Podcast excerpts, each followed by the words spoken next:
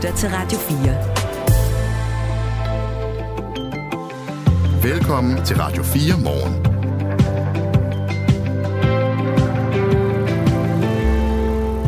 fredag morgen, hvor vi øh, indtil videre ikke har øh, hunde med på øh, arbejde. Det ynder de til synligheden at gøre på Christiansborg, men Radio 4 morgen, vi gør det ikke her kl. 6, vi gør det lidt senere.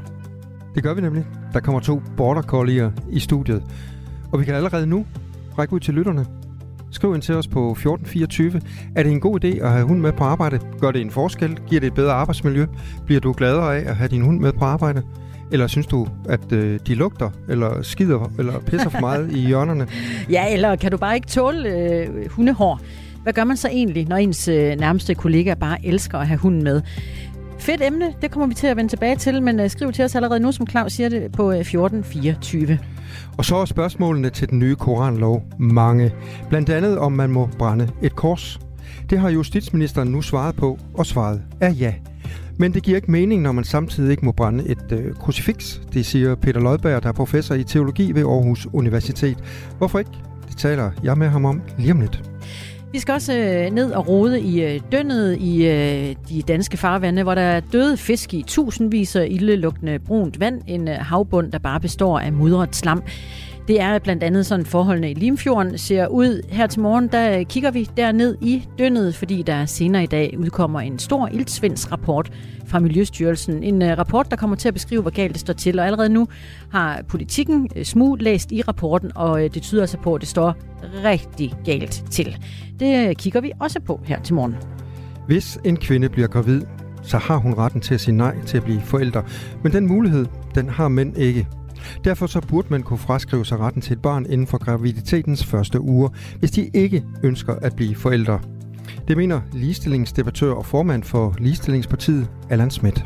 Det er vigtigt for dem, at de ikke står med denne her pligt til et barn, som de faktisk ikke ønsker. Men hos foreningen Far, der synes de ikke, at det er en særlig god idé. For alle børn har ret til at kende deres far, siger de. Hvis formand, ja, foreningens far formand, foreningens fars formand, sådan er det. fars formand. fars formand. Han uddyber lidt om lidt, og det er kvart i syv. Alt det her og, øh, og meget mere til, og jeg mærker allerede nu, at det bliver øh, rigtig godt i øh, studiet Christina Ankerhus og Claus Andersen, og dig, der lytter med, også på sms'en. Vi byder dig hjertelig velkommen indenfor. 1424 er nummeret. Godmorgen. Godmorgen. Du lytter til Radio 4. Er der forskel på et kors og et krucifiks? Ja, siger justitsminister Peter Hummelgaard. Justitsministeriet vil skelne mellem korset og krucifixet i den kommende koranlov, det skriver politikken. Godmorgen Peter Lodberg, professor i teologi ved Aarhus Universitet. Godmorgen. Ifølge det her lovforslag om koranafbrænding, så er det fremover ikke lovligt at brænde et krucifiks af. Men Justitsministeriet de skriver altså sådan her til politikken. Genstande, som i øvrigt forbindes med en religion, for eksempel et almindeligt kors, vil ikke være omfattet af lovforslaget. Hvor meget mening synes du, det giver at skelne mellem kors og krucifiks? det ud fra et øh, teologisk synspunkt eller fra kristendommens synspunkt, så er det det samme, fordi korset, uanset om Jesus hænger på det eller ej, øh, så er det et øh, symbol, der skal bevidne Øh, troen på Jesu opstandelse. Så korset er egentlig et torturinstrument i romeriet, som i kristendommen bliver til et opstandelses- og håbssymbol. Og det er uanset om Jesus hænger på det eller ej. Så det gør det ikke til et mere kristent symbol, at øh, der rent faktisk er en Jesus-figur øh, på, øh, på korset? Nej, det er historisk, at uh, i perioder i uh, kirkehistorien og arkitekturhistorien, der har man uh, haft afbildninger af Jesus uh, på et, uh, et kors i kirkerne, og i nogle af de nyere kirker, der ser man det ikke. Så uh, det giver ikke nogen mening. Jeg, jeg synes, det er absurd. Men et kors kan jo være alt muligt. Jeg kan jo gå ud og flække to brædder sammen, og så øh, stille mig op på øh, Rådhuspladsen i København og brænde det af. Altså, er, er det ikke lidt ligegyldigt? Jo, men set fra kristendommens synspunkt er det altid et opstandelsessymbol. Derfor synes jeg også en gang imellem, det giver heller ikke mening, når man ser et kors stå ved steder, hvor der er sket et dødsfald, øh, et trafikuheld, fordi at det skal markere, at her har der været et trafikuheld. Det er stadigvæk et opstandelsessymbol i kristendommen. Regeringens lovforslag om blandt andet at forbyde utilbørlig omgang med religiøse genstande har fået massiv kritik. Kritikken lyder blandt andet på, at, være, at øh, loven er for ukonkret. Politikken har derfor spurgt øh, justitsministeren, om man må brænde kors af i kunstværker. Ifølge ministeriet er det kun genstande med væsentlig religiøs betydning omfattet af den foreslåede lov. Det omfatter altså ikke korset, skriver ministeriet. Korset har altså ifølge Justitsministeriet ikke væsentlig religiøs betydning. Det har et krucifiks derimod. Så hvad tænker du om den skældning, som øh, Justitsministeriet øh, de tager her? Jamen, det kan godt være ud fra et juridisk synspunkt, at man kan finde en eller anden, øh, en eller anden skældning med betydning. Men set ud fra et teologisk øh, synspunkt, så, så giver det ikke mening. Et kors er et kors, uanset om Jesus hænger på det eller ej. Men i det her tilfælde handler, vel, handler det vel om, at øh, det skal være ud fra øh, juridisk betydning? Ja, men øh, jura er vel ikke det der eneste, der skal sige noget om, hvem vi er som mennesker. Øh, teologi, kristendom, religion hænger jo også sammen med det her. Og nu er det jo netop øh, øh, med udgangspunkt i, hvad der tjener religionernes sag, at man laver den her paragraf, som skal vel erstatte den gamle blasfemiparagraf, som man afskaffede. Så derfor synes jeg, det er mærkeligt, at man ikke tager hensyn til, hvad for eksempel kristendommen tænker om de her ting. Og hvad er det præcis, kristendommen tænker? Jamen, den tænker, at et kors er et kors, uanset om Jesus hænger på det eller ej, og er et, et symbol, der skal bevidne øh, kristendommens tro på opstandelsen. Så det er, et centralt, øh, det er et centralt symbol, som har betydning for kristendommen. Jeg taler med Peter Lodberg, professor i teologi ved Aarhus Universitet. Og Peter Lodberg, øh, hvis loven siger, at man ikke må behandle krucifixet utilbørligt, burde det samme så gælde for, for korset, ifølge dig? Ja, det vil være det samme. Altså, det, for mig er der ingen forskel, øh, om Jesus hænger på korset eller ej. Øh, det vil være det samme. Det er mere et spørgsmål om øh, kunsthistorie og arkitektur, øh, at der er forskel på øh, et krucifiks og et kors, men teologisk og kirkeligt, der er der ingen forskel. Men hvorfor tror du så, at Justitsministeriet har landet den på den her måde, altså, at de altså skældner mellem øh, de her religiøse genstande, korset og krucifixet? Ja, det skal jeg jo ikke helt kunne sige, men jeg vil måske gå ud fra, at det vil sige netop, at enhver kan lave et kors, men det er noget vanskeligere at lave en, en kristusfigur, som kunne hænge på korset, og derfor får det mere betydning at, at, på den måde. Så det kan jo godt være, at de selv synes, at uh, et kors uh, uden en kristusfigur, det er bare to brædder, der er, er slået sammen. Uh, så det kan være, at de synes, at uh, det giver mere mening, øh, og de skal jo finde et eller andet argument, fordi de måske er blevet fanget lidt i nogle blindgyder, de ikke selv havde tænkt på på forhånd. Tror du, det her det kan give øh, ballade? Altså, hvad meget betyder det i, øh, i kristne kredse? Altså, det her kors, hvis jeg nu går ud og brænder et, et kors af på, på Rådhuspladsen?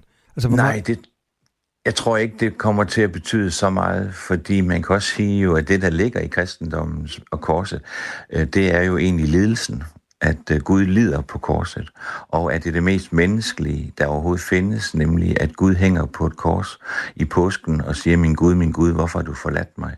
Så på den måde er det fuld af lidelse, det er fuld af sårbarhed, og på den måde, så tror jeg egentlig, mange kristne vil sige, jamen det er lige præcis det, som det udtrykker, at mennesker, de gør noget, som er forfærdeligt øh, også for eksempel brænde kors.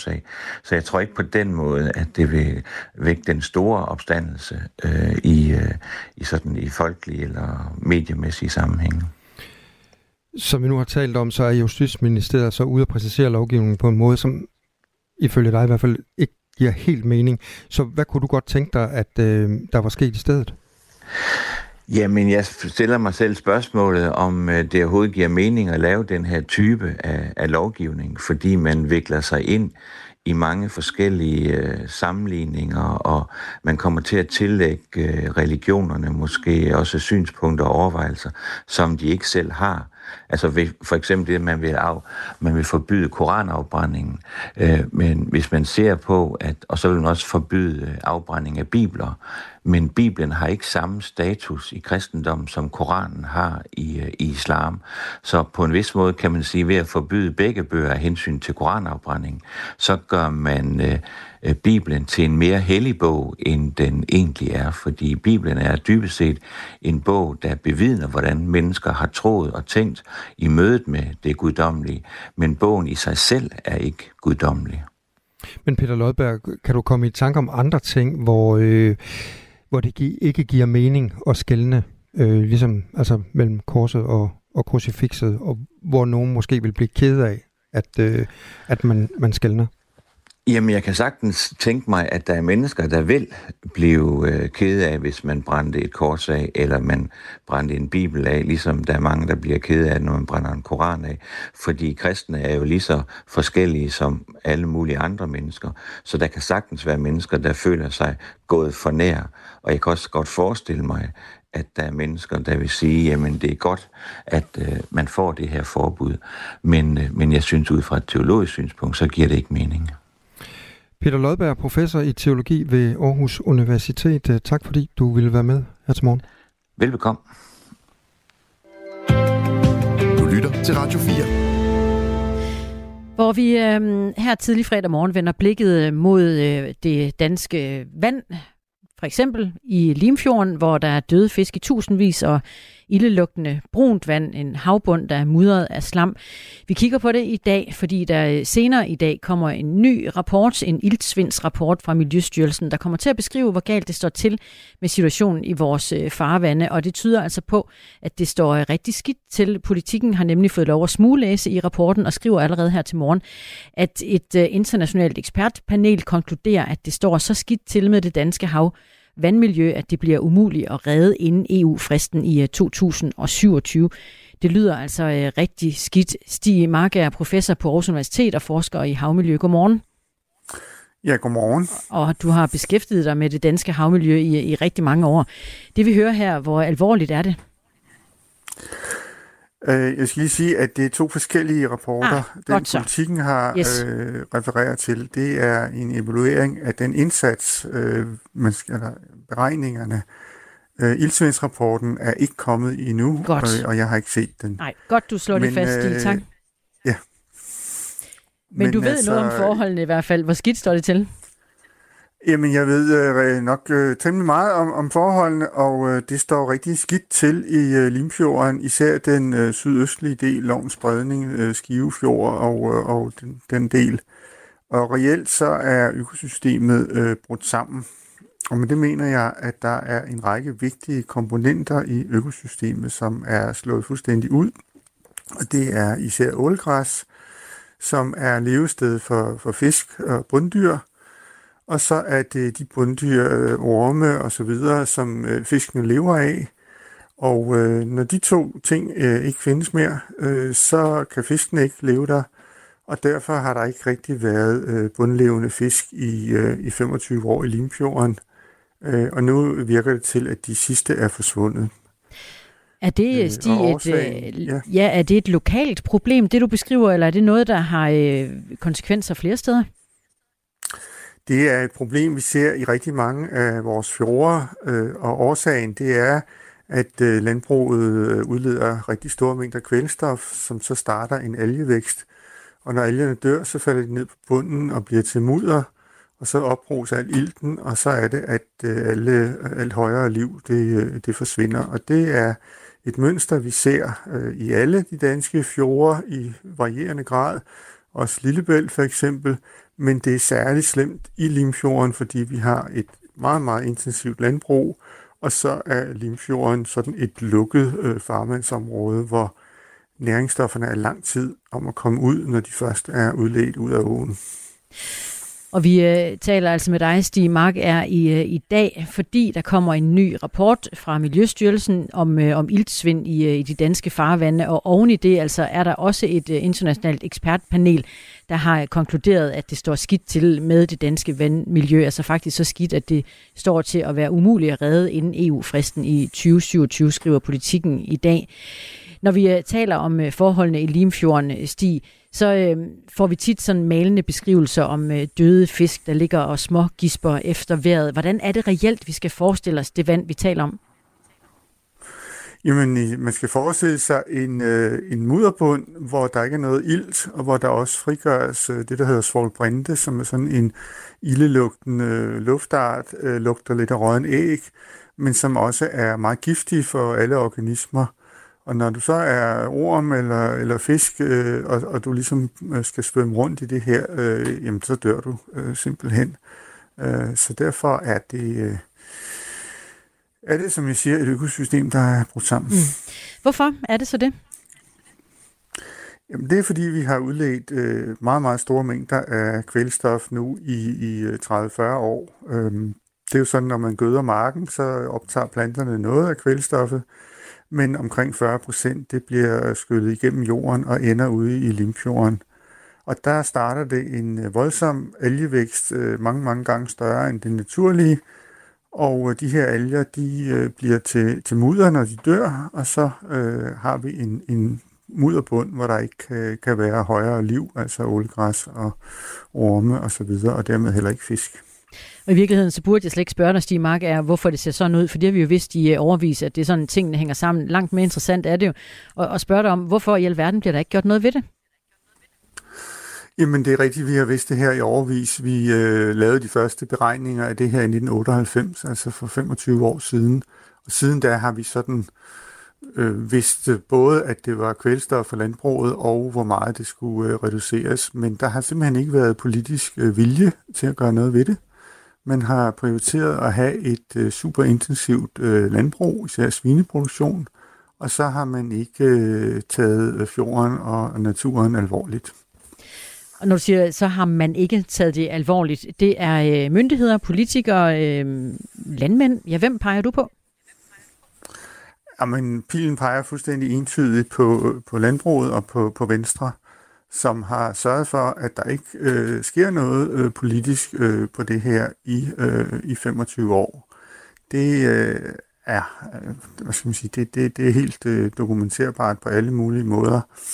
Og, øh, og det er jo især fra 2008 og, og fremad, hvor man øh, tillader øh, at opdyrke alle de jorder, der var lagt brak frem til 2008. Det giver voldsomt meget mere kvælstof ud i fjorden.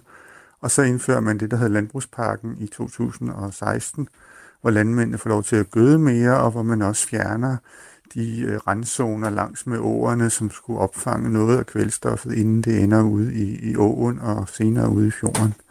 Så, så det her det er sådan en helt bevidst øh, øh, politik, hvor man har handlet imod de videnskabelige øh, anbefalinger. Og nu havde det været øh, særlig fedt, Stig Mark er professor på Aarhus Universitet, hvis jeg havde kunne hive øh, repræsentanter fra Venstre eller landbruget ind til, til en debat lige nu, men jeg har udelukkende dig med nu. Og, og det er sådan set også meget godt, fordi så kan du måske komme med øh, et forslag på, hvad er løsningen? Hvad er det så, vi kan kræve af Venstre, landbrug og, øh, og andre myndigheder? Jamen altså løsningen, det er øh, entydigt, og der kan vi så drage den her ekspertpanels øh, rapport ind, at det er at reducere kvælstoffet. Og det har vi beregnet for hver enkelt øh, havområde, og sådan på landsplan, der skal det reduceres med en, en tredjedel, men da det kun er noget af det, der kommer fra landbruget, øh, noget kommer fra naturen i sig selv, så skal landbrugets udledninger reduceres med, med knap halvdelen på landsplan. Men i Limfjorden, der står det meget værre til, og landbruget er mere intensivt end andre steder. Så der er, øh, vi har bragt os i en situation, hvor at øh, man ikke mere kan have landbrug i øh, store dele af oplandet til den sydøstlige Limfjord, hvis man vil øh, have en øh, sund fjord igen. Mm. Og så skal vi lige huske, at øh, det her det er også øh, nogle aftaler, vi har med EU, så vi er faktisk juridisk forpligtet til at øh, få det her ordnet. Stig Mark er professor på Aarhus Universitet og øh, forsker i øh, havmiljø. Tak for øh, belysningen her til morgen, fredag morgen. Og senere der skal vi faktisk ud forbi Limfjorden og besøge Svend Hørup. Han er med og fortæller, hvordan det har været at, at opleve Limfjordens forandringer over de 50 år, han har, har boet der. Og så skal vi selvfølgelig også op ad dagen holde øje med den rapport, der kommer fra Miljøstyrelsen om iltsvind i Danmark, som ser ud til at tegne et øh, ekstremt dystert billede af forholdene i de danske farvande.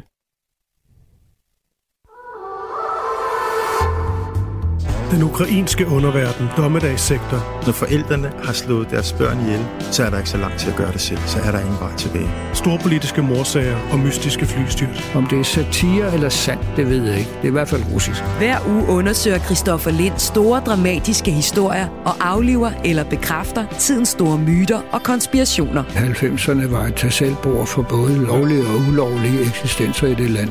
Lyt til Krimiland på Radio 4 i morgen kl. 17.05 Radio 4. Hele systemet er jo et eller andet sted en stor mafiastat. Ikke så forudsigeligt. Der er alvorlige kapacitetsudfordringer på alle fem hospitaler i Region Midtjylland. Det oplyser regionen i en pressemeddelelse. På mange afdelinger er de så presset af blandt andet personalemangel, at det potentielt kan have livstruende konsekvenser for nogle patienter. Nogen vil måske huske historien om de lange ventetider blandt kraftpatienter på mave- og tarmkirurgi i på Aarhus Universitetshospital.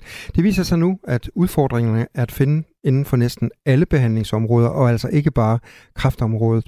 Omfanget er alvorligt og kommer bag på Morten Frejl, der er direktør i organisationen Danske Patienter.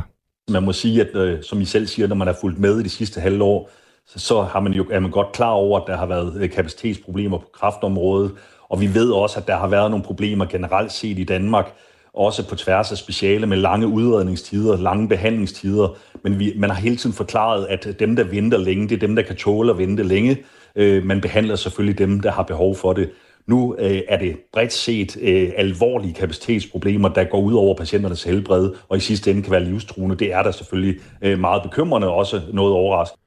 Ifølge Morten Frejl, så er det største problem lige nu ventetiderne, hvilket selvfølgelig er slemt nok, men man skal ikke gå og være nervøs for den behandling og hjælp, man får på hospitalerne i Region Midtjylland.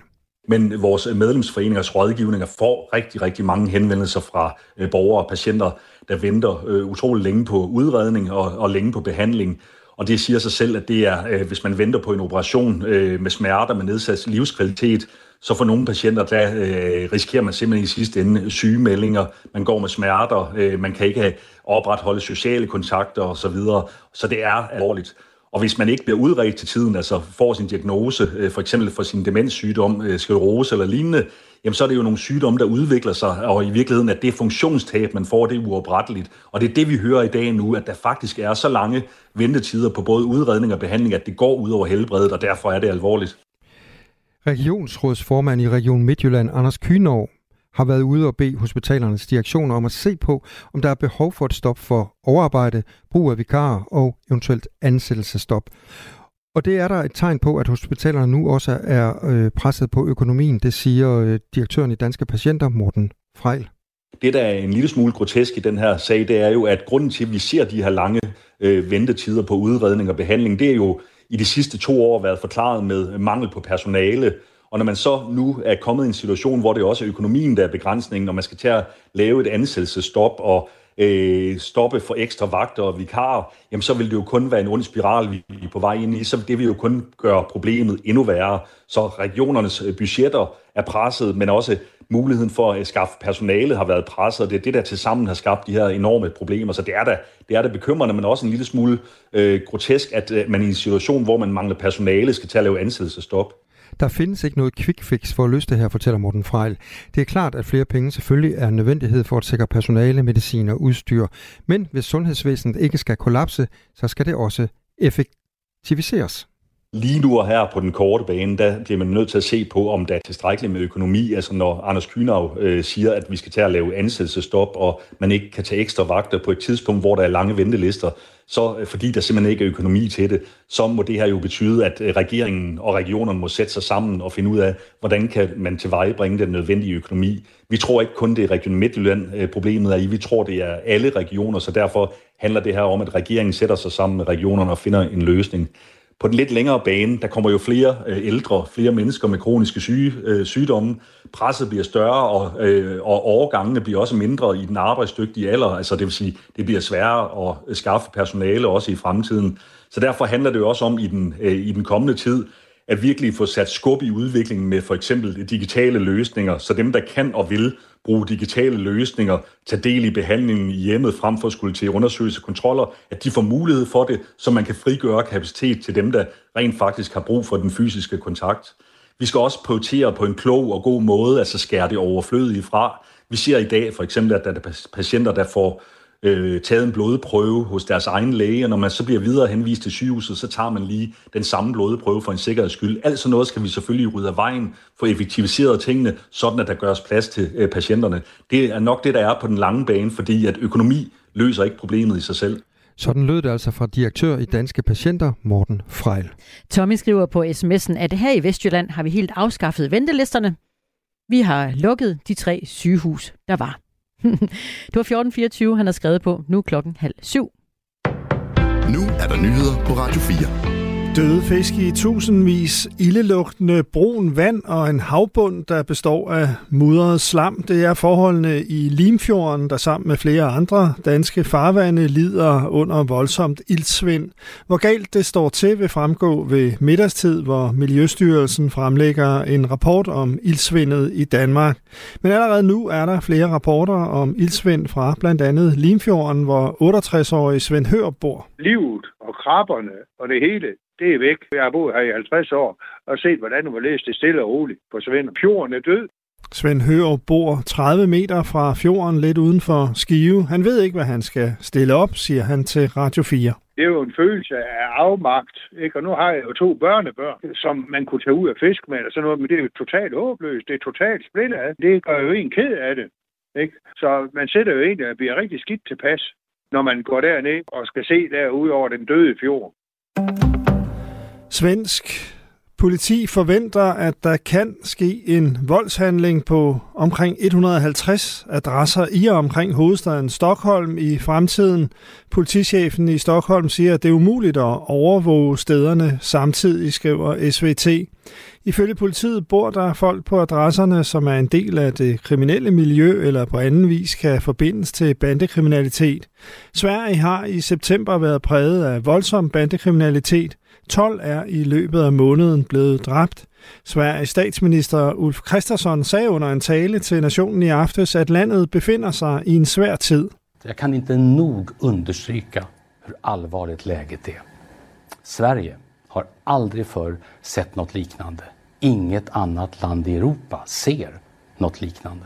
Sverige har aldrig før set noget lignende. Intet andet land i Europa ser noget lignende, sagde den svenske statsminister. SMS'er fra tidligere forsvarsminister Jakob Ellemann Jensen skal indgå i en kommende undersøgelse af forløbet om våbenindkøb fra israelske Elbit, det siger forsvarsminister Troels Lund Poulsen efter en forhandling med forsvarsoverførende i aftes. Dagmar Iben Østergaard fortæller. Forsvarsministeren har sammen med forsvarsordførende drøftet, hvordan undersøgelsen af forløbet om det omstridte våbenindkøb skal se ud. Han forventer, at undersøgelsen er færdig til foråret, og at et oplæg til den vil være klar i næste uge. Her vil han kunne fremlægge, hvad han synes, der skal til for, at der kan laves en så bred og uvildig undersøgelse som muligt, lyder det. Men mails og relevante sms'er, hvis der måtte findes, så nogen skal være en del af sagen, siger han. I januar gav Ellemann som forsvarsminister Folketingets partier to timer til at hastebehandle et våbenindkøb fra Elbit. En redegørelse har dog slået fast, at der var sket fejl i sagen, og undersøgelsen her den skal nu placere det endelige ansvar. Sagen har også betydet, at departementschef Morten Bæk fra Forsvarsministeriet er forflyttet efter fejl i en redegørelse. Politikere skal holde deres hund på deres kontorer, hvis de tager den med på arbejde på Christiansborg. Det skriver Folketingets formand Søren Gade i en e-mail til alle Folketingets medlemmer ifølge Berlinske, efter at løsgående hunde har skabt nervøsitet på gangene. Hvis dette ikke efterleves, vil man fremover ikke kunne medbringe sin hund på Christiansborg, skriver formanden. Partiledere som Inger Støjberg, Morten Messerschmidt og Søren Pape er blandt dem, der har haft deres hunde med på arbejde. Skyde og i løbet af dagen regn og byer 15-20 grader og svag til jævn vind omkring sydvest. I aften fortsat regn og byer, men i nat mest tørt. Du lytter til Radio 4. Velkommen til Radio 4 morgen. Husk, at du kan sende os en sms på 1424. Og velbekomme hvis øh, du ellers var en af dem, der øh, fik kommenskringle og mjød i aftes. Det var der formentlig ikke ret mange, der fik. Jeg ved ikke, om det er en tradition hjemme ved dig, Claus. Den øh, 28. september. Hvad handler det om? Kommenskringler og mjød. Jeg kan godt lide kommenskringler. Mjød er jeg ikke så begejstret for, men hvorfor skulle jeg spise og drikke det i går? I øh, gamle tider, så havde du gjort det, for det er øh, Mikkels aften den 28. september. Og det er jo så fordi, det er i dag, den 29. september, er Mikkels dag. Det er øh, ærkeenglen Michael, som vi øh, tænker på, som vi så nu om dage kalder Mikkel. Nej, det gør vi jo egentlig ikke. Vi kalder det jo ikke noget, for vi fejrer det jo ikke længere. Men øh, det er en god idé at holde sig god ven med, øh, med denne ærkeengel, for det er ham, der, øh, når du står på din øh, sidste dag og skal have afgjort, om du skal det ene eller det andet sted hen, op eller ned, så, øh, så vejer han der lige på sin vægt. Og, øh, og, og der er han så skummel, øh, denne Mikkel, øh, Michael, at han har nogle djævle til at sidde på den ene vægtskål, og så kommer du på den anden, Claus. Og så skal I gøre op, om du skal det ene sted eller det andet sted hen. Og hvis du så ellers har holdt dig, holdt dig god ven med, øh, med Mikkel, Michael gennem dit liv, så kan det være, at han lige med sin finger giver din vægtskål lige lidt mere tyngde, så at djævlene ryger ud, og du ryger det rigtige sted hen. Jeg kan vel også bare spise noget mere kommenskring. ja, det kan du. Drik noget mere mjød. Det er min tilgang til det. Så øh, Mikkels dag i dag, hvor der i øvrigt også er knyttet et øh, vejrvarsel til. I love vejrvarsel, siger jeg bare. Hvis det blæser på denne dag, så øh, varsler det gode øh, kornpriser til bønderne. Og nu har jeg selvfølgelig været inde og kigge på, hvordan ser det så ud. Der er sådan en, øh, en jævn til svag vind i dag. Og øh, hen over aften og nat, så blæser det noget mere op og bliver til en hård vind lokalt til cooling også. Så øh, på en eller anden måde, så tror jeg, at bønderne de, øh, står op i dag og tænker, det bliver en god øh, Mikkelsdag i dag. Det her er Radio 4 morgen. Den igangværende svenske bandekonflikt har denne uge nået nye højder. Den kulminerede onsdag aften, da en teenager blev skudt og dræbt i Stockholm. Og alene her i september er 12 personer i Sverige blevet dræbt som følge af bandekriminalitet. Sidste år blev der begået 8 skuddrab i Danmark. I Sverige var tallet hele 63. Med os har vi nu dig, Mads Lundgaard, tidligere valgt ind i byrådet i Stockholm for Sverigedemokraterne. Godmorgen. Godmorgen. Du bor i Sverige. Hvordan oplever du, at den svenske bandekriminalitet er spidset til? Jamen altså, det har jo øh, eskaleret øh, de seneste 10 år, for efter at så øh, de sidste par måneder er rykket meget, meget tæt på alle, næsten hele landet i de store byer, måske specielt også i Stockholm, uanset hvordan vi bor. Øh, der er vold, og der er sprængninger, og der er skudepisoder over det hele. Altså, vi sidder jo tilbage, mange af os tror jeg, i hvert fald mig, her i Danmark, og tænker, det var lige godt pokkers. Altså, Sverige lige nu minder jo os om et sted, som vi ikke kan forestille os måske øh, Mellemøsten, når det, er, når det er aller værst. Altså, hvorfor er det så voldsomt i Sverige lige nu? Ja, så øh, konkret så er det jo, fordi der er det jo to øh, store bander, der konkurrerer mod hinanden, hvor bandelederne sidder i Tyrkiet, hvor de har øh, købt statsborgerskab og ikke kan røres og har så øh, unge mellem 13 og 15, iblandt lidt ældre år, der udfører mor for dem. Øh, det er sådan i Sverige, at øh, vi har ikke fængselsstraf for unge under 18 år. Øh, så det er simpelthen børnesoldater, jeg vil bruge det, bruge det udtryk, og, og det er simpelthen eskaleret meget, meget voldsomt, og jeg så koblet ekstra meget til, til Uppsala og Stockholm, der jo ligger tæt ved hinanden, og hvor øh, også mange øh, familiemedlemmer, søskende og fætter, kusiner osv. til de her bander bor, som man så også forsøger at, øh, at slå ihjel faktisk. Hvad går der igennem dit hoved, når der som, altså for eksempel onsdag aften en teenager bliver skudt på et øh, idrætsanlæg øh, i Uppsala? Jamen altså, det, øh, det var i Stockholm, han blev skudt faktisk. Øhm, Jamen altså, det er en, en, en meget, meget øh, stor sorg. Øh, Sverige, hvor jeg har boet i 30 år, er jo et fantastisk øh, land med en fantastisk natur, med nogle fantastiske søde mennesker, der jo kulturelt og så videre minder utrolig meget om, om, om øh, Danmark. Der er egentlig ikke så stor forskel. Så en onsdag aften, når man, når man cykler hjem fra sit arbejde og kommer hjem, og så hører man, at lige et par kilometer væk, så på en en sportsplads, hvor unge samles for at spille fodbold hver aften, så kører der så en bil ind, der går to øh, unge mennesker ud og skyder en frem for de andre, andre børn og kører derfra. Øh, jeg tænker på unge mennesker, der vokser op med at, at have set et mor og, og være bange for ting, der sker. Går hjem og slår de sociale medier på, hvor man så kan se film, for de spreder også gerne film af det her, at et ungt menneske bliver skudt. Jamen det er en, det er en kæmpe sorg. Det er ikke noget, man vil uh, unge mennesker eller børn skal få op- opleve overhovedet under sin livstid. Men det oplever uh, svenske unge uh, dagligt forskellige steder i landet. Det, der foregår lige nu, det er en intern konflikt uh, i det kriminelle netværk Foxtrot. Uh, og Foxtrot ledes af en fyr, der hedder Rava Mahid, også kendt som den kurdiske rev. Han er røget uklar mod sin tidligere samarbejdspartner Ismail Abdo, der også kaldes Jordbæret. Alene fra januar til august i år var der ifølge en opgørelse fra svenske Dagbladet 247 skudepisoder med 30 døde og 73 sårede som resultat. Politiet i Sverige betegner det som det farligste kapitel i svensk historie siden 2. verdenskrig. Hvilken følelse får det frem i dig, når du hører øh, det svenske politi kalde det her for det farligste kapitel i øh, svensk historie? Ja, yes, jeg vil, jeg vil egentlig gå endnu længere, fordi uh, Sverige var jo neutral under 2. verdenskrig og var ikke uh, indblandet i nogle specielle uh, voldsomme episoder. Uh, det her, det er værre, det er det værste, der har været uh, vold i, i, i, i, i Sverige i 200 år. Jamen, hvad får det for følelse til, til at gå gennem en? Jeg sad i forgårs ude ved et af de kontorer, jeg arbejder på, og skulle spise en kebab på en restaurant i huset i, i Vellingby, øh, der ligger 20 km vester, øh, vest ud fra Stockholm, hvor der også har været meget vold og sprængninger. Og der sidder der nogle unge mennesker og snakker om, at en af dem er, kender en af dem i, øh, som du selv benævnte, jordbæret. Og det gør simpelthen, at man bare tager sin kebab med sig og forlader restauranten, fordi man, man ved ikke, hvad der sker. Pludselig kommer der måske en, nogen ind og skyder. Når man så går ud af restauranten, så går man til nabohuset, hvor politistationen øh, ligger i Vellingby. Døren ind til politistationen er fuldstændig fuldt med skudhuller fra øh, automat, øh, øh, maskingevær, fordi der er skudt på den, sådan, for lige at vise, hvem der bestemmer for et par uger siden.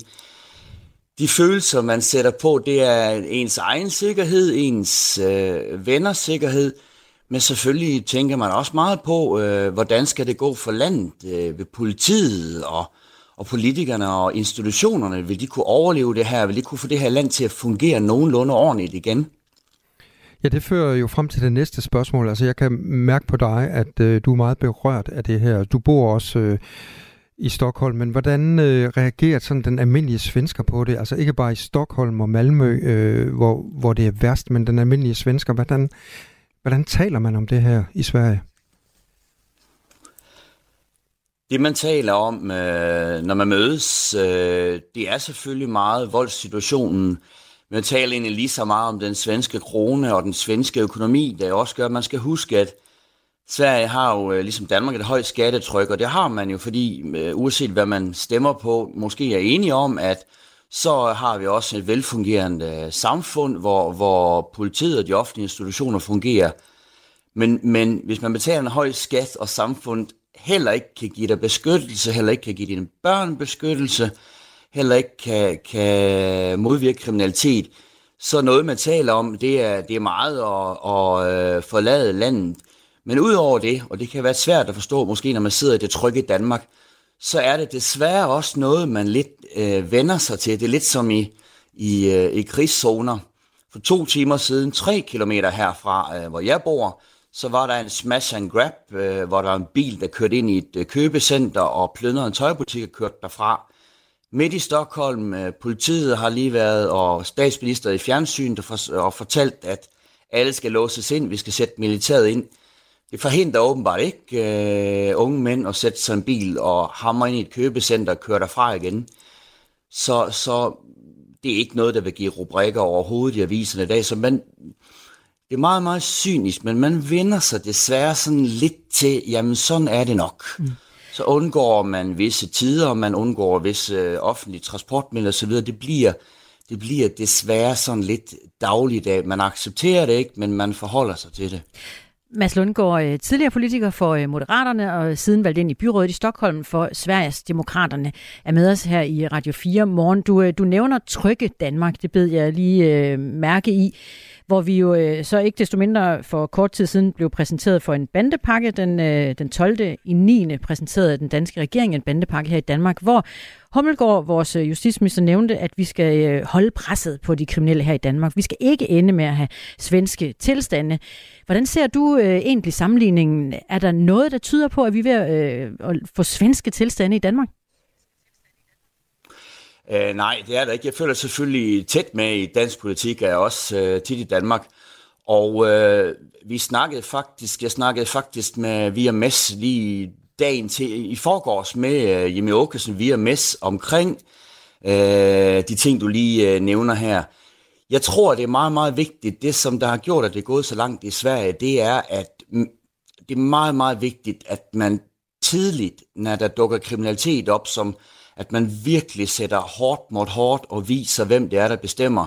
Jeg noterede, at øh, mordet på Christiania, de, øh, de ting, der har været i København under, under foråret, har virkelig gjort, øh, at øh, jamen, der har været store pressekonferencer, man har virkelig øh, sat hårdt mod hårdt, for hvad der her forekom, øh, fremkommer som ret, ret, ret lidt kriminalitet egentlig. Og det synes jeg er den, øh, den helt rigt, rigtige vej at gå. En ting, som uh, svenske politikere nu kigger på, eller i hvert fald uh, Sverigedemokraterne, som vi også har kigget på i Danmark, som, øh, som ikke uh, gælder her, det er også, at uh, her kan man for eksempel uh, nægte at samarbejde med politiet, når man skal opklare forbrydelser, så ingen siger noget. Men som jeg har opfattet det i Danmark, så hvis man ikke samarbejder, så det kan forlænge straffene, så så Sverigedemokraterne, men også øh, den borgerlige regering og de svenske politikere generelt, tror jeg simpelthen, at min vurdering vil copy-paste det, som Hummelgaard også øh, fremlagde for, mm. var det et par dage siden. Så man kan snakke om, at de Sverige ønsker de faktisk danske tilstande? De ønsker danske tilstande, vi ønsker danske tilstande, men der er en lang vej frem. Mads Lundgaard, øh, der kommer sms'er ind på den her. De handler meget om øh, integration. Der er en, der skriver, det der sker i Sverige er vel et skoleeksempel på, at integration er slået fejl. Sverige ligger som de har ret, men humanitær stor magt er der en anden, der skriver. Øhm, men det er vel ikke kun det, det handler om, altså at integrationen har slået, slået fejl. Nej, altså jeg kan godt forstå tanken omkring integration, men man skal lige huske, at Øh, på de seneste 10 år er der flyttet 1,3 millioner mennesker til Sverige øh, fra lande i Mellemøsten og Afrika og med, med kulturelt meget, meget anderledes syn på samfundet, øh, familien og, og klaner og, og, og det offentlige, end, end vi har i Sverige. Måske så langt fra, som man kan komme. Det er simpelthen umuligt at integrere 1,3 millioner personer, øh, som har et helt andet syn på samfundet, end dem, der, der allerede bor her.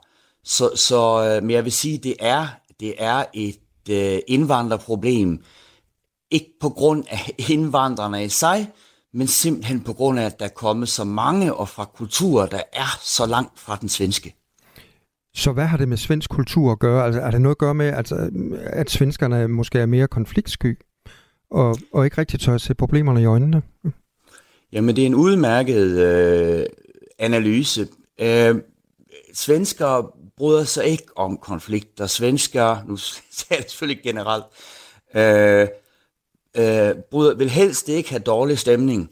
Øh, man har egentlig, som jeg ser det historisk, også sådan betalt sig lidt fra at slippe fra det der ubehagelige. Hvis vi går tilbage til 2. verdenskrig, som du selv var inde på, så tillod man jo tyskerne at fragte jernmalm igennem, så de kunne bygge sine øh, våben og, og så videre, så videre for at slippe overhovedet at blive, blive indblandet. Og, og frem til i dag, så har man jo med ulandsprojekter og så videre, så videre forsøgt at betale sig fra tingene. Man har også tænkt at integration, hvis man bare giver masser af ydelser til, til etniske foreninger og religiøse foreninger, så, så kommer dem der til Sverige, så, så øh, kan de bevare deres kultur, og så vil de nok også gerne øh, blive som svenskerne og gå op om morgenen og arbejde hårdt og gå til arbejde og betale skat og måske ikke have råd til en Porsche, men sådan uh, fungerer det desværre ikke rigtigt.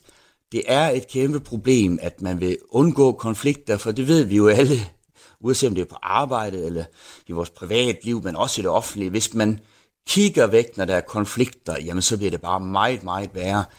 Den svaghed oplever, som jeg ser det, øh, de kulturer, der kommer langt væk fra Sverige. Man skal huske, at i Mellemøsten og i dele af, af Afrika, der, der oplever man jo svaghed, som man ikke vil konflikter. Det er noget, man kan udnytte, og det gør man. Mads Lundgaard, tak fordi du var med her til morgen. Mange tak. Tidligere politiker for Moderaterne og siden valgt ind i byrådet i Stockholm for Sverigedemokraterne. Du lytter til Radio 4 morgen. Et af ugens store debatemner har været den øh, fri abort. Det er siden øh, etisk råd tidligere på ugen kom med sine anbefalinger til, hvor grænsen skal ligge for den fri abort i Danmark. Men mænds rettigheder er blevet forsømt i øh, den debat, og det mener tidligere formand for etisk råd, Gorm Greisen. Når nu der er meget fokus på rettigheder for kvinder, så rejser spørgsmålet sig sådan i ligestillingens navn jo, hvad med mændene? Tidligere formand for etisk råd og professor i børnesygdomme. Han øh, peger blandt andet på, at den juridiske abort er et begreb, han gerne ser diskuteret i øh, højere grad, end det bliver i dag. Den øh, juridiske abort, det er altså tanken om, at en mand kan adskille sig fra sit potentielle kommende barn, uden at skulle give økonomisk tilskud til moren nogensinde. Og den skulle han altså kunne, han kunne fraskrive sig barnet inden for den samme periode, som en mor kan få en abort. Så øh, på den måde ville mænd også kunne få rettigheden til den fri abort, så at sige. Det er en god idé. Så lyder det fra Allan Schmidt, der er ligestillingsdebattør og formand for Ligestillingspartiet. Det er et parti, der er sat i verden for at give øh, drenge og mænd en stemme i ligestillingsdebatten. Jeg synes, vi kan inkludere snakken om mænds manglende reproduktive rettigheder. Det vil sige det her med at have noget at have sagt i forbindelse med en graviditet. Øhm, I dag er det jo sådan, at hvis kvinden bliver gravid, og hun siger nej, og han siger ja, så er det hende, der trumfer hendes krop, hendes retter alt det her. Hvis, hvis, hvis hun siger ja, og han siger nej, så er det stadigvæk hende, der trumfer. Øhm, og det, jeg egentlig synes mangler, det er hele diskussionen om, at hun har retten til at sige fra til at blive forældre. Hvorfor skal han ikke også have retten? Kvinden trumfer, lyder det altså. Øh, Jesper Lose, landsformand hos Foreningen Far. Godmorgen. Godmorgen. En øh, forening, der blandt andet indsamler viden om fædre og forældreskab og tilbyder gratis rådgivning til, til fædre også. Ja, kvinden øh, trumfer det hele. Det må da være øh, vand på jeres mølle. Hvad siger du til, at øh, skal mænd have retten til at sige nej til at blive forældre? Øh, nej, det skal de ikke. Øh, vi er modstandere af, af juridisk abort. Øh, børn er ikke et stykke papir. Øh, børn, jamen, det handler om følelser, øh, og det handler om noget af det mest fantastiske, vi har i dag, og det er mennesker.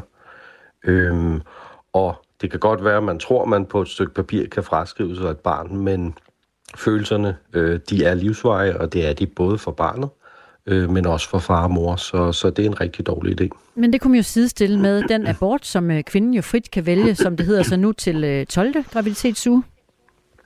Ja, men, men øh, vi har også så mange andre respekt for kvindens krop, øh, og, og det er kvinden på det her område, der, der øh, bærer barnet. Det er også kvinden, der føder det, kvinden, der ammer. Så derfor vil øh, øh, kvinden øh, skulle have en fortrinsret, øh, hvis man kan sige det sådan, på det her område. Altså det er kvindens valg i, i, i øh, sidste ende. Men når det er sagt, så er det da fuldstændig korrekt, at vi her på 50-året for den fri abort øh, skal øh, have langt mere ligestilling på det her område. Vi skal være langt bedre til at inkludere øh, fædrene og mændene, fordi øh, mænd har bestemt også følelser på det her område. det kan jeg godt lide. Mænd har også følelser. Hvad, hvad siger de så, de øh, mænd, der kommer hos jer i foreningen Far, når det handler om måske ikke rigtig at have lyst til at tage del i det liv, der er ved at blive skabt? Jamen, der er ingen tvivl om, at vi står med de her fædre, som, som øh, i første omgang i hvert fald ikke øh, gerne så, at de ikke fik barn. Det kan være netop være unge øh, øh, mænd, 15-17 år taler man om nu, øh, jamen, øh, der øh, tror, de skal i gang med uddannelse, og slet ikke havde planlagt det her. Det er måske ikke med den øh, pige, den kvinde, øh, som de havde forventet for barn med, så de er slet ikke parat til det. Men det er jo også på den anden side helt normalt øh, for, for fædre, øh, når, når de så får et barn. Jamen, der er rigtig mange, som, som ikke lige havde ventet det, og ikke havde, havde planlagt det, men de bliver øh, rigtig lykkelige for det her barn øh, senere hen i livet.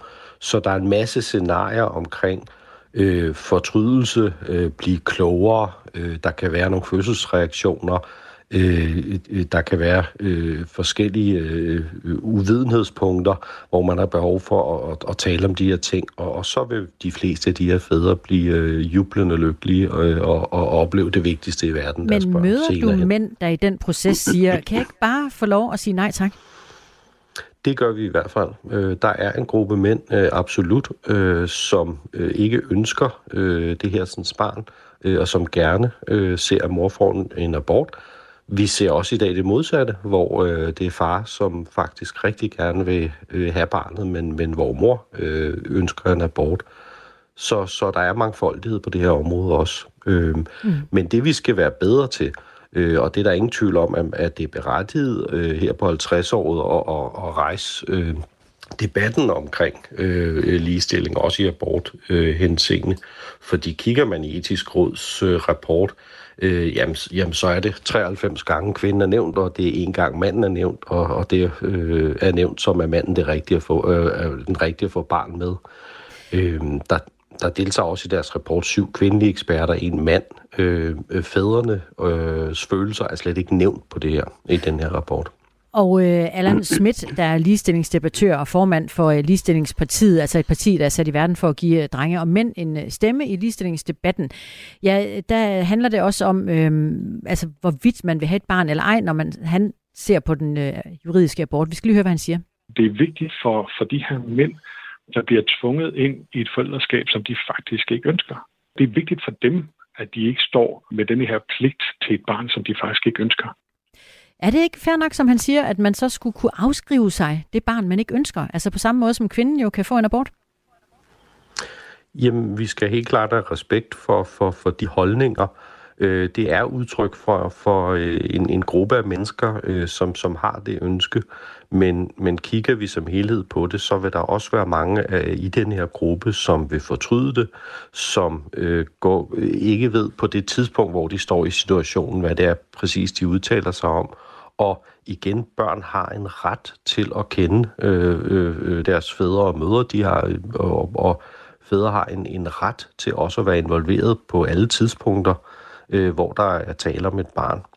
Men lige præcis på aborttidspunktet eller området og, og, og, og på fødselstidspunktet, der må vi også have respekt for, at, at øh, der er det altså også kvindens krop, det handler om. Så vi skal finde en øh, balance, vi skal finde en ny balance her på 50-året, og der er ingen tvivl om, manden skal kunne tale, der skal kunne tale som manden, der skal kunne øh, øh, høresmanden. Det vil være skønt, at de her sådan, øh, kvinder, øh, som, som står i den her svære abortsituation, jamen de, mange af dem vil jo få børn senere hen i livet, og der er det altså helt forkert, hvis vi ikke øh, allerede tidligt i, i hvert fald har en overvejelse om, at manden har også følelser, øh, og selvfølgelig er det okay at, at, at tale med manden omkring de her sådan, ting. Øh, det er et af de centrale etiske hensyn, man, man også må tage på aborttidspunktet. Og øh, for lige at holde fast i, øh, at det handler om, om, også om rettigheder, og måske også om, om lige rettigheder på en eller anden måde, Jeg så understreger ligestillingsdebattør Allan Schmidt fra Ligestillingspartiet, at, at det er netop det, han slår et slag fra, for, altså retten til at sige fra. Det har ikke noget med at gøre, at han kan tvinge hende til abort. Lad os bare lige få den på plads. Men, men det er egentlig mere, at han har mulighed for at, at sige nej tak til ret og pligt til et barn. Og det vil sige, frasige sig faderskabet. Det er der nogen, der kalder juridisk abort. Ja, og uanset hvad han siger, så er det jo stadig hendes valg. Lige snart hun bliver gravid, så skal hun tage et valg. Skal hun have en abort, eller vil hun gennemføre graviditeten? Og der, i, det, i den beslutning er han jo slet ikke med. Han kan godt have en holdning, men det er hende, der bestemmer. Så uanset hvad, så har hun den beslutning. Han behøver ikke nødvendigvis være med til det her. Og det er sådan set det, det jeg taler ind i. Det er, at hvis han siger, jeg vil faktisk ikke have et barn med dig, hvorfor skal han så ikke have muligheden for at gøre det? Jesper Lose er med os, landsformand i mm. Foreningen Far. Hvordan kunne du ønske dig, at vi i den kommende tid så fik en, øh, en debat om mænds rettigheder, hvis ikke det skal handle om juridisk abort? Jamen, det skal handle om for eksempel etisk råd, øh, må meget gerne, når de laver den her form for rapporter, inkludere Foreningen Far. De har talt med Møderhjælpen, de har talt med syv kvindelige eksperter, Øh, Øh, de øh, har lavet et helt afsnit, der hedder i, i deres rapport De centrale etiske hensyn. Øh, der nævner de øh, mor, de nævner fostret, de nævner personalet, de nævner samfundet. De nævner slet ikke far. De har også et afsnit, der hedder Alternativ etiske hensyn. Der er fædrene heller ikke nævnt. Øh, som sagt, øh, fædrene er, er, er helt ekskluderet øh, hos etisk råd. Og der, vi, der lever vi altså i år 2023 vi skal øh, i dagens Danmark kunne, kunne tale om fædrene og tale om, at fædre er også involveret. Fædre har følelser. Øh, det kan være en kæmpe styrke også øh, senere hen i livet for, for, for de mennesker, som, som øh, overvejer abort, som får en abort. Øh, jamen, når de senere får et barn, jamen, så vil det jo være en naturlig ting, at man også tænker på, at, at far er involveret, at der er en far for det her barn. Og for de børn, der bliver født, øh, jamen der er vi nødt til at sige, øh, der har barnet altså et, et behov for også at vide, hvor de kommer fra senere ind i livet. Øh, så, så børn har lov til at vide, hvem deres forældre er. Fortæller Jesper Lose, der er landsformand hos øh, Foreningen Far. Og, øh, og tak for det. Tak fordi du var med her til morgen. God dag. Selv tak. Og lige om lidt, så er klokken syv, og vi skal lige række ud til jer igen. 14.24. Er det en god idé at have hunden med på arbejde? Det spørger vi dig om i dag, fordi en skandinavisk undersøgelse viser, at det faktisk er en god idé, og det er en undersøgelse, der er foretaget blandt 1200 hundeejere. Klokken syv. Du har lyttet til en podcast fra Radio 4. Find flere episoder i vores app, eller der, hvor du lytter til podcast. Radio 4. Ikke så forudsigeligt.